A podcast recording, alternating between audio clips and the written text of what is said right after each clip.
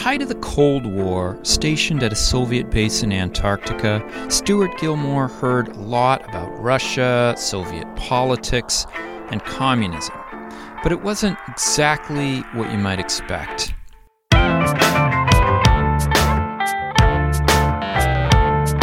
It's time to eat the dogs. I'm Michael Robinson. I continue my interview with Stuart Gilmore, the sole American at Mirny Station in 1961 and 1962.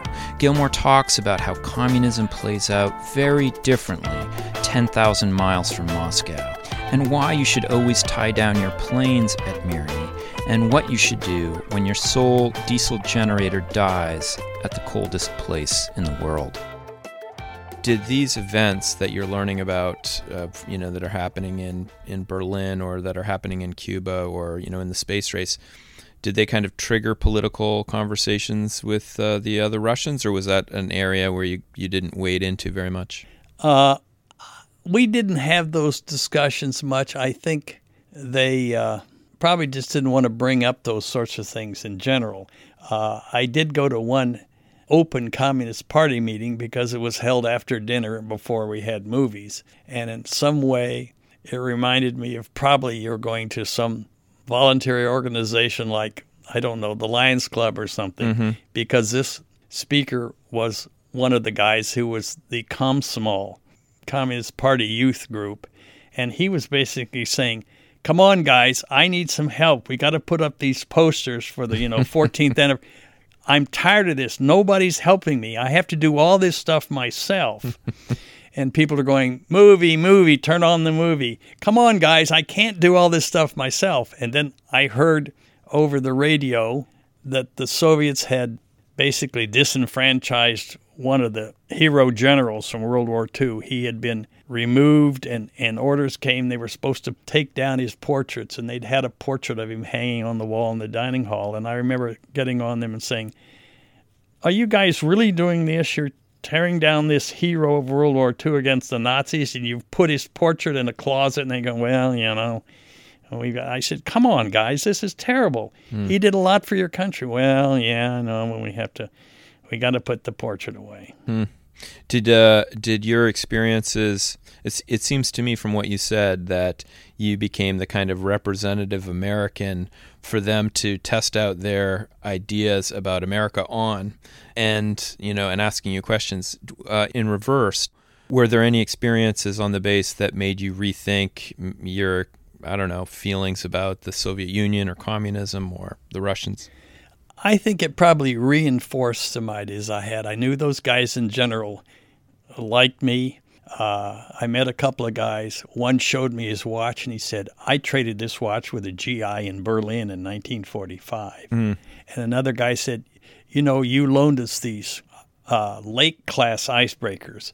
We had icebreakers which were built to work on the Great Lakes, and they weren't all that great in deep ice. But the north wind, the south wind, the east wind, the west wind.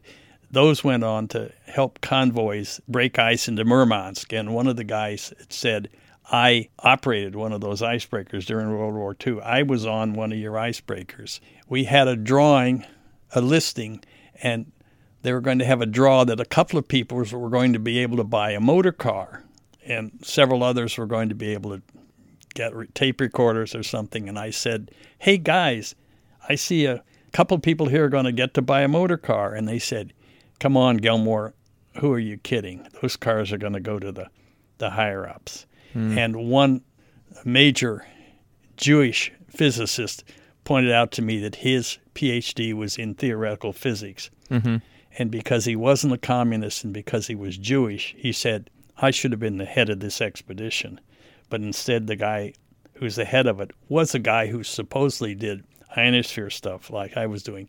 His PhD was in geography mm-hmm. or something, and he's a Communist Party member. That's why he's ahead of the expedition. So you experienced some anti Jewish feelings, at least in this guy's opinion of things, and the fact that if you were a party member, you were more likely to be advanced in something. And when things were given out or allowed for people to be asked to get it wasn't an even shake. I mean, people higher up would get a chance to get the consumer goods that they wanted. Hmm. Um, how many people at the base were actually doing scientific work versus uh, other tasks? Uh, we had the geophysics group, and geophysics, which I would have been in the international sense, geophysics counts anything, you know, out to several Earth radii uh, out from the Earth. Uh, in the Western sense, it sort of means breaking rocks and stuff. We had the geophysics group, of which there was about 10 of us, I guess, maybe 12. And then we had the meteorological group. That was a large group uh, of 10 or 12 or so. And then we had geologists and whatnot that were sort of geophysics probing down with sonar down through the earth or setting off explosions. Those would be a geophysics group as well. We didn't have much biology. We had one, the head of the expedition before us did a little biology. Uh, we didn't really have much biology. I would say probably 30 were scientific groups in the broad sense, and then another 70 were radio communications, mm-hmm. food, maintenance, the bulldozer drivers, and the pilots. We had a separate group was the pilots and aviation mechanics groups, and they were pros that were had flown in the Arctic a lot. Did um, you end up collaborating with any of the Soviet scientists on projects, or were you pretty much left to do your own work? Well, my project was designed to be just me, but the Stanford professor who'd uh, suggested me for the job also gave me a tiny little one Stanford professor loaned me a beautiful big Collins radio receiver, which I would use in addition to my others to try to listen to Voice of America ball games and stuff. Uh, the Stanford professor who directly recommended me gave me a tiny little receiver at very, very low frequencies for research in what's called whistlers or very low frequency propagation. And I sent that and a tiny little antenna to this Vostok, the world's coldest place. And a Soviet there operated it for me during the year. Unfortunately, they put a time signal on the magnetic tape recorder to get times, and it was so loud it, it destroyed the data. It, however, led to the Bureau of Standards having a U.S exchange guy from the Bureau of Standards to do this very low frequency stuff at the Vostok station about three years later. Why did it? Uh, why was it important that that be at Vostok? Vostok is the geophysical pole of the of the world, not the geographic pole like the U.S. South Pole base, but if you imagine the magnetic structure of the Earth, the best fit of that pole is at Vostok. That's why Vostok was built there.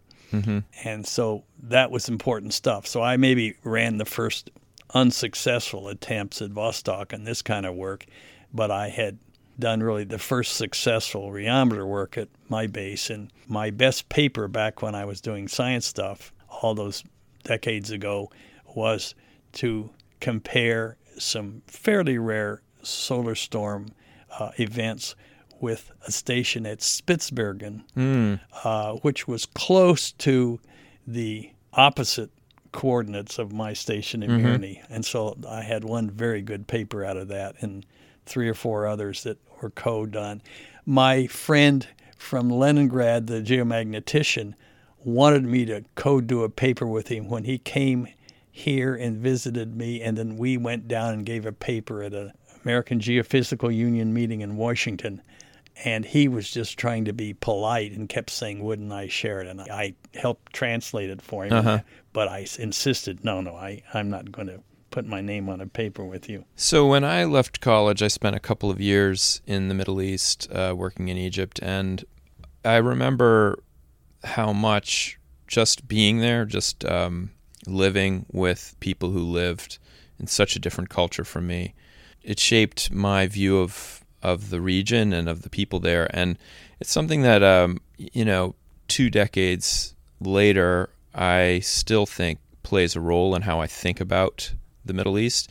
I was wondering if your experience, really at the height of the Cold War, hanging out with Russians and East Germans for 14 months, is that it? Yeah, overall it was 14 months, yes. So, how did that stay with you as, you know, all of these world events happen, you know, in the Cold War through the 60s and 70s? Did you did that shape the way you feel? Uh, well, as I hinted at earlier, they liked us a lot. They had been through such terrible times that uh, they also, when we sent somebody down, you had to go through a couple of days of psychiatric testing at the U.S. Navy to see if you could stand it and so forth. Uh, I didn't because I left so fast. I only had a half hour interview in Boulder, Colorado, with a psychiatrist. Uh, the Soviets were told it's going to be tough. You're going to get paid a lot of money. You want to do it, do it, and don't complain about it. Uh-huh.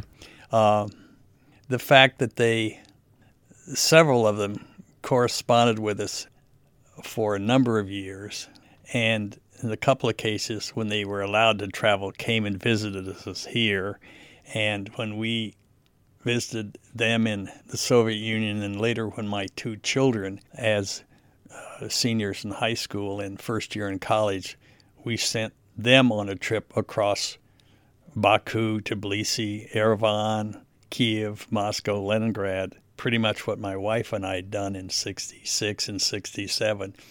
These same people entertained our kids, mm-hmm. they gave them stuff. And I just felt that in a lot of ways, we had similar jokes, and uh, I've felt fond about. I didn't find really nasty people. There were a couple of nasty people on the expedition, but you'd expect the knuckleheads. Uh, I felt they they liked us. Uh, they had a positive view of what we are. I once got into a discussion about what we were doing with our planes flying along the the Turkish border and were we going to attack them? And I said, well, look, we've never attacked you in flying there, and I don't think anything like that's going to happen. But in general, except for these night and day stuff about it's golden, everything's wonderful, or you torture blacks, you have all these yeah, people in yeah. prison. I guess what I mean um, is that if you look at the kind of Red Scare of the 50s, you know, where you had McCarthyism and people seeing fifth column communists everywhere. There was a kind of almost a real othering of of communism and, and of people who were communists. And I was just wondering if that, I guess, shaped the way you felt about communism or about people who were communists as these, you know, controversies with the Soviet Union continued in the 60s and 70s. I just didn't run across people who were true believers in the way you might have imagined yeah. here. Yeah. Uh, of the three East Germans, uh, one was quiet and and uh, jolly and uh, didn't seem to be politically much. Anyway, my my best friend was would probably have been very much like somebody in Scandinavia, you mm-hmm. know, some kind of kind of European quasi-socialist, but very friendly guy. The one guy who I also, two of these guys, spoke at Wesleyan years later. I came and gave lectures at the physics department. One guy openly sat and read Marx and Lenin before dinner and grew a beard and and studied Russian all the time. And he was a climber. He was a political climber. In fact, he asked me, could he come here to mm-hmm. Wesleyan and give a speech? That guy was a political climber, and I think some of the others were political climbers, as you expect in any large group. Yeah. My way of becoming division chief will be if I join the party and if I do this and if I do that. But I just have a fondness for my time there with them and the kindness of some of them. For example, they told me who the real party leaders were. They told me that one nice guy in the meteorology department was, in fact, a lieutenant colonel in the Soviet Air Force and mm-hmm. was there as intelligence. Oh, so they, they, they pointed them out to you? Sure. they pointed them out to me. Did you, so you spent, uh, you overwintered in Antarctica. What was that like? Well, Mirny doesn't get all that cold, but that coast of Antarctica has the highest average wind velocities in the world. You've got the rather warm Indian Ocean hitting up with the Antarctic Ocean, which circles around uh, the uh, Antarctic continent. And so the winds are just terrible. We had a DC 3 Soviet version held down with uh, three quarter inch steel cables. And after one of these terrible storms of several days, the plane was gone. Oh, my God. Uh, oh my God. Guys in the vezdekhod went out on the sea ice and they found two or three miles away an engine and then they found some pieces in an iceberg. So the winds were so high that it had torn these steel cables and the plane took off. And then must have gone some ways in the air before it started to tumble and break apart. That was a different kind of uh, pressure on you, I think, than being places like at the South Pole or particularly at Vostok. It's 65 below all the time. Mm. And they showed me when I was there, they were all going to die. They had two crummy little diesel engines, and when they cut out on them to heat the building, one guy went down on a rope into a tunnel that they'd had for temperature stuff and found an oxygen tank and brought it up at 100 below and brought it up and they got started some some blow torches for example and and they were managed to get their diesel going again. That is a really really tough bunch of guys. Really tough. They were very nice. At we Vostok had, that is. Yeah at Vostok. We had a different thing. We just had these screaming winds uh, so that above 100 meters of the ground it might have been a clear sky, but below that you couldn't see anything because all this ground wind was screaming around.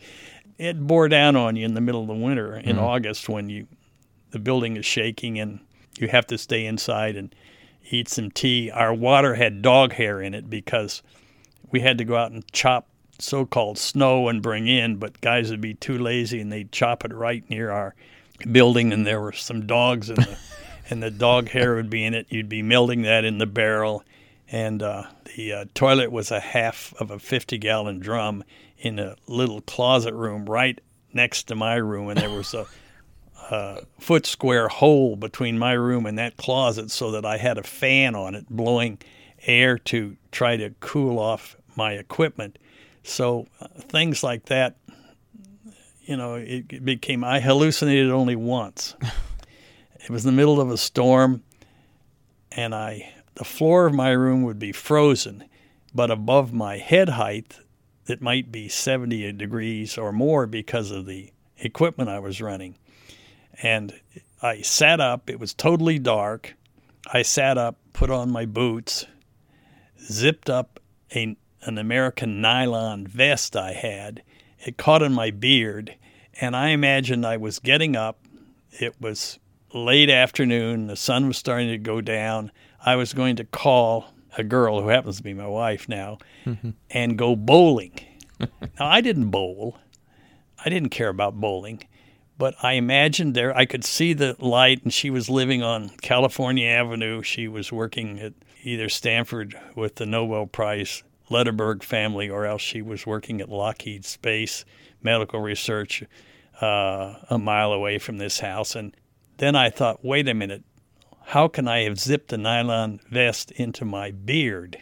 and how come there's no sun? And then it's sort of like a load fell on me. For a minute here, I think I've been hallucinating. Yeah. And so I felt a little depressed about that for yeah. a while. Yeah. Wow. So it's it's just so it's probably the experience of being in that darkness for so long and being away from home for so long. Well, I got, uh, I was allowed to send telegrams to my uh, parents or something. They'd send them out, and I'd I'd get a message off to them. I don't know every couple of weeks, and they had a ham radio station, and I operated that some, but not very often. I had to go a half a mile away through the through the snow up to the radio hill, and their amplitude modulated radio transmitters weren't really strong enough to be heard very well in the states because they didn't have single sideband. So I would listen to some U.S. ham radio operators speaking in sideband, single sideband mode, and I would respond in Morse code. Uh, I never worked a Soviet in Morse code because when I would come on, they have additional four or five letters in their Morse code alphabet. And when I would come on in the uh, European Morse code and say, uh, I was an American, at they would always cut off and break away because they, I assumed they thought I was some kind of pirate. How could I say I'm an American at the Soviet base? And after coming on and telling me the signal strength and whatnot, then they'd hear this from me. They'd never come back. Um, so you eventually did end up at McMurdo before you left, Yes, right? we had an Australian down the coast from us who'd had a stroke, and the Soviets flew uh, and picked him up and brought him back to our base.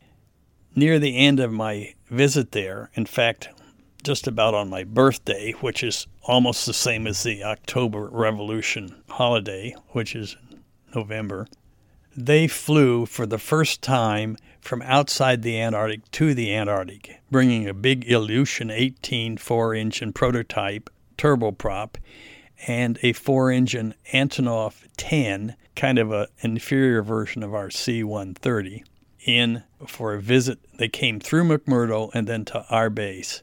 And they brought a lieutenant general from the Soviet Air Force and the head of the entire Northern Sea Route Administration, which is like, well, he was a member of the high Soviet cabinet, basically. And so then they were going to go back to McMurdo, and they stayed for a while. I'm confusing something. They didn't come on the October Revolution holiday, they came just before New Year's. And they stayed for several days. The bastards at McMurdo, U.S. guys, what did they send me after me being down there for a year? And they have got ice cream and and lobster and I'd hear them on the radio complaining to their wives about how tough life was. they only had vanilla and chocolate ice cream and they had to have giant prawns four or five nights in a row or uh, and and they only had steak. they send me a little fiberglass sled that's like you could pull behind you when you're pulling some cargo, a gallon can of tomato sauce and a paperback copy of Dr. Zhivago. that was it. Oh, and they also sent me a hundred foot by two foot wide fuchsia iridescent parachute drop marker. We've since made it into costumes. I still have it here in the house all these years later, but that's all they brought me. So I'd been down there actually in the Antarctic for 13 months mm-hmm. now. And, you know, the six weeks getting there. And I had the chance, I'd taken enough data, I could fly back with this Ilyushin 18 to McMurdo and then come on out with the U.S. They wanted me to go on with them back to the Soviet Union. And maybe I should have done it, but Burma wasn't going to give me a visa. Mm-hmm. And I was just tired. And I said, no, no, guys, I'll stay here. But send back to my the buddy who'd replace me, a biologist, to be the exchange guy for the next year. I want to send him back some stuff. So I got six cases of beer. I mean, they had all sorts of stuff in McMurdo. I think six cases of beer, and I put a couple of cases, I forget, candy bars or whatever else. Of course, then the pilot who was flying back with a nearly empty plane said, I mean, this is a big four engine turboprop. Gee, Gilmore, mm-hmm. we don't have enough room on the cargo. uh, maybe if you only sent back four cases of beer, and uh, maybe if we took two cases as our own baggage, we could fly all this. Of course, the pilots just wanted some of what I was sending back. So I said, okay, you guys take a couple of cases of beer and send the rest back to the guy replacing me. So you were sending it back to Mirny? Yeah, to the American. Yeah. Um, what was your impression after being at the Soviet base for so long? What was your impression of McMurdo? Well, McMurdo was a a sea of volcanic mud, one thing, and it had a nuclear reactor for their supply, uh, which they removed several years later. I thought it was going to be very efficient because they wouldn't have to have all these oil drums and stuff.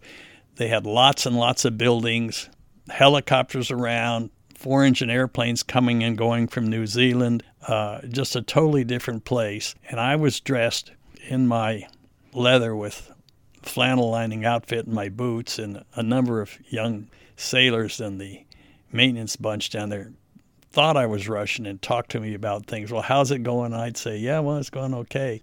I frightened the U.S. scientists because they tried to wake me up after I'd been there for one day at night to go into some poker game or do something, and I just kept swearing at them in Russian. and wouldn't get out of bed and I wouldn't speak English. I just kept swearing at them in Russian to leave me alone. And so when I woke up several hours later and got up, they said, We were really worried. Had they brainwashed you, you wouldn't speak any English. Well, I was just so tired, I guess I thought, you know, I was still back there. I flew to the U.S. South Pole, South Pole Base, and was there for several days. That was generally a favor to me, uh, just to let me see some other stuff. Uh, their riometer, which they had installed uh, while I was down at Mirny, the next fall they'd brought this thing down, and it wasn't working right. I fiddled with that a little bit. They had a toilet seat which was mink at the South Pole base in those days. That was uh, something I remember. Was uh, just to get back to uh, McMurdo for a minute. It's a much bigger station than Mirny was. Yeah, in the winter they have about twenty scientists doing various things. In the summer, I mean, al- along with uh, I don't know eighty or hundred Navy guys being cooks and, and whatnot. In the summer, there's well over a thousand at times bringing tons of stuff down, ships coming in or out, and they have big fuel lines that would go from the tanker in the harbor, run across the ice all the way to these giant fuel storage tanks for their stuff. Mm-hmm. Uh, in fact, when I went back, I left and flew to New Zealand, and when we got ready to go, we had to stop because they found out there'd been a hole in this six inch fuel line, and it was because of what we call the Bernoulli principle pumping that fuel through the line with a hole in it sucked seawater in with the fuel. Mm. And so they'd polluted an awful lot of stuff. And one guy from the Bureau of Standards had been going to what we had Byrd Station at the U.S. base, a smaller base, and his C 130 fell from 19,000 feet to 1,000 feet because three of the engines quit. Wow automatically, and they had to drop the tail down and use axes and drop all the cargo of building materials out.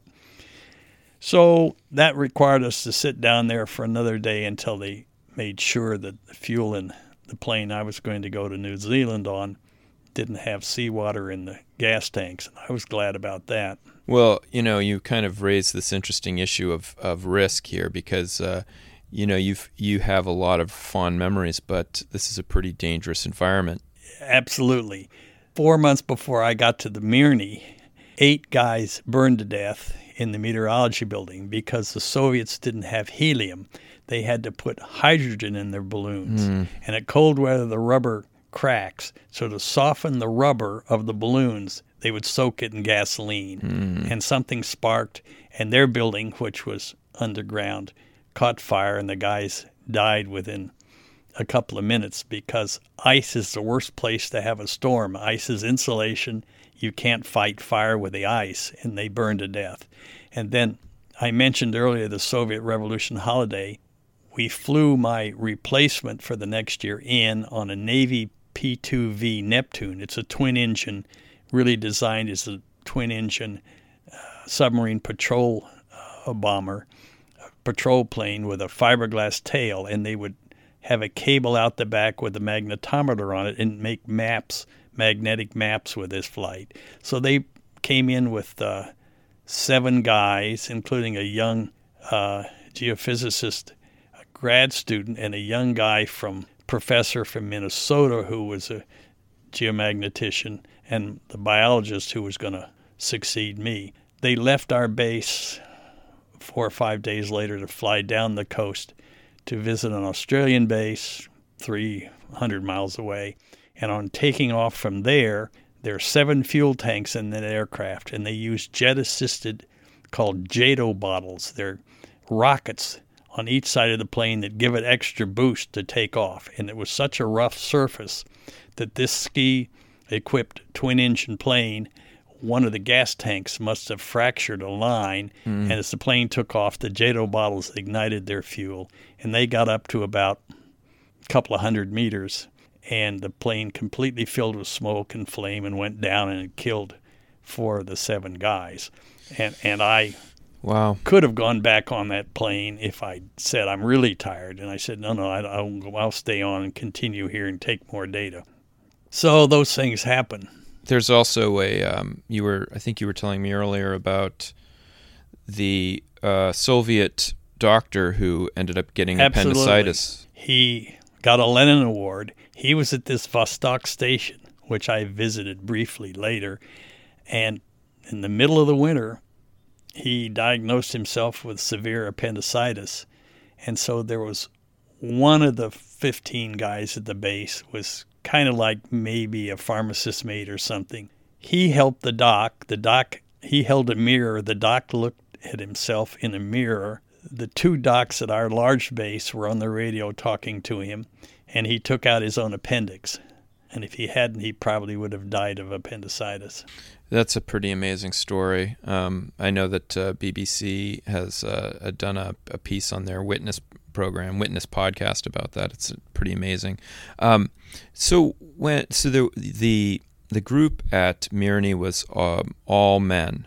Was McMurdo also all men, or were there women? In those days, we had the Russians had women on the icebreaker freighter going down there on the crew.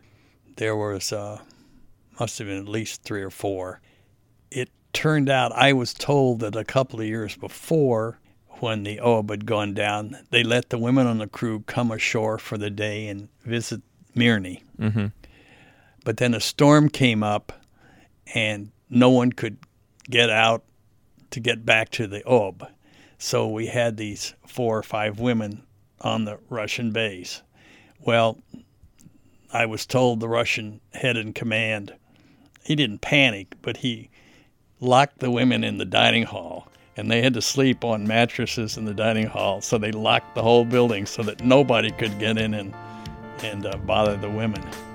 Stuart Gilmore, thanks so much for talking with me today. Thank you. That's it for today. The music was composed by Zabrat. Make sure you check out the Time to Eat the Dogs website for podcast links and other exploration related stuff. And if you get the chance, please take a minute to rate and review the show wherever you get your podcasts. It really helps make the show visible to new listeners. And if you want to recommend a guest or make a comment, feel free to contact me at time to eat the dogs, that's one word, lowercase, at gmail.com. See you next week.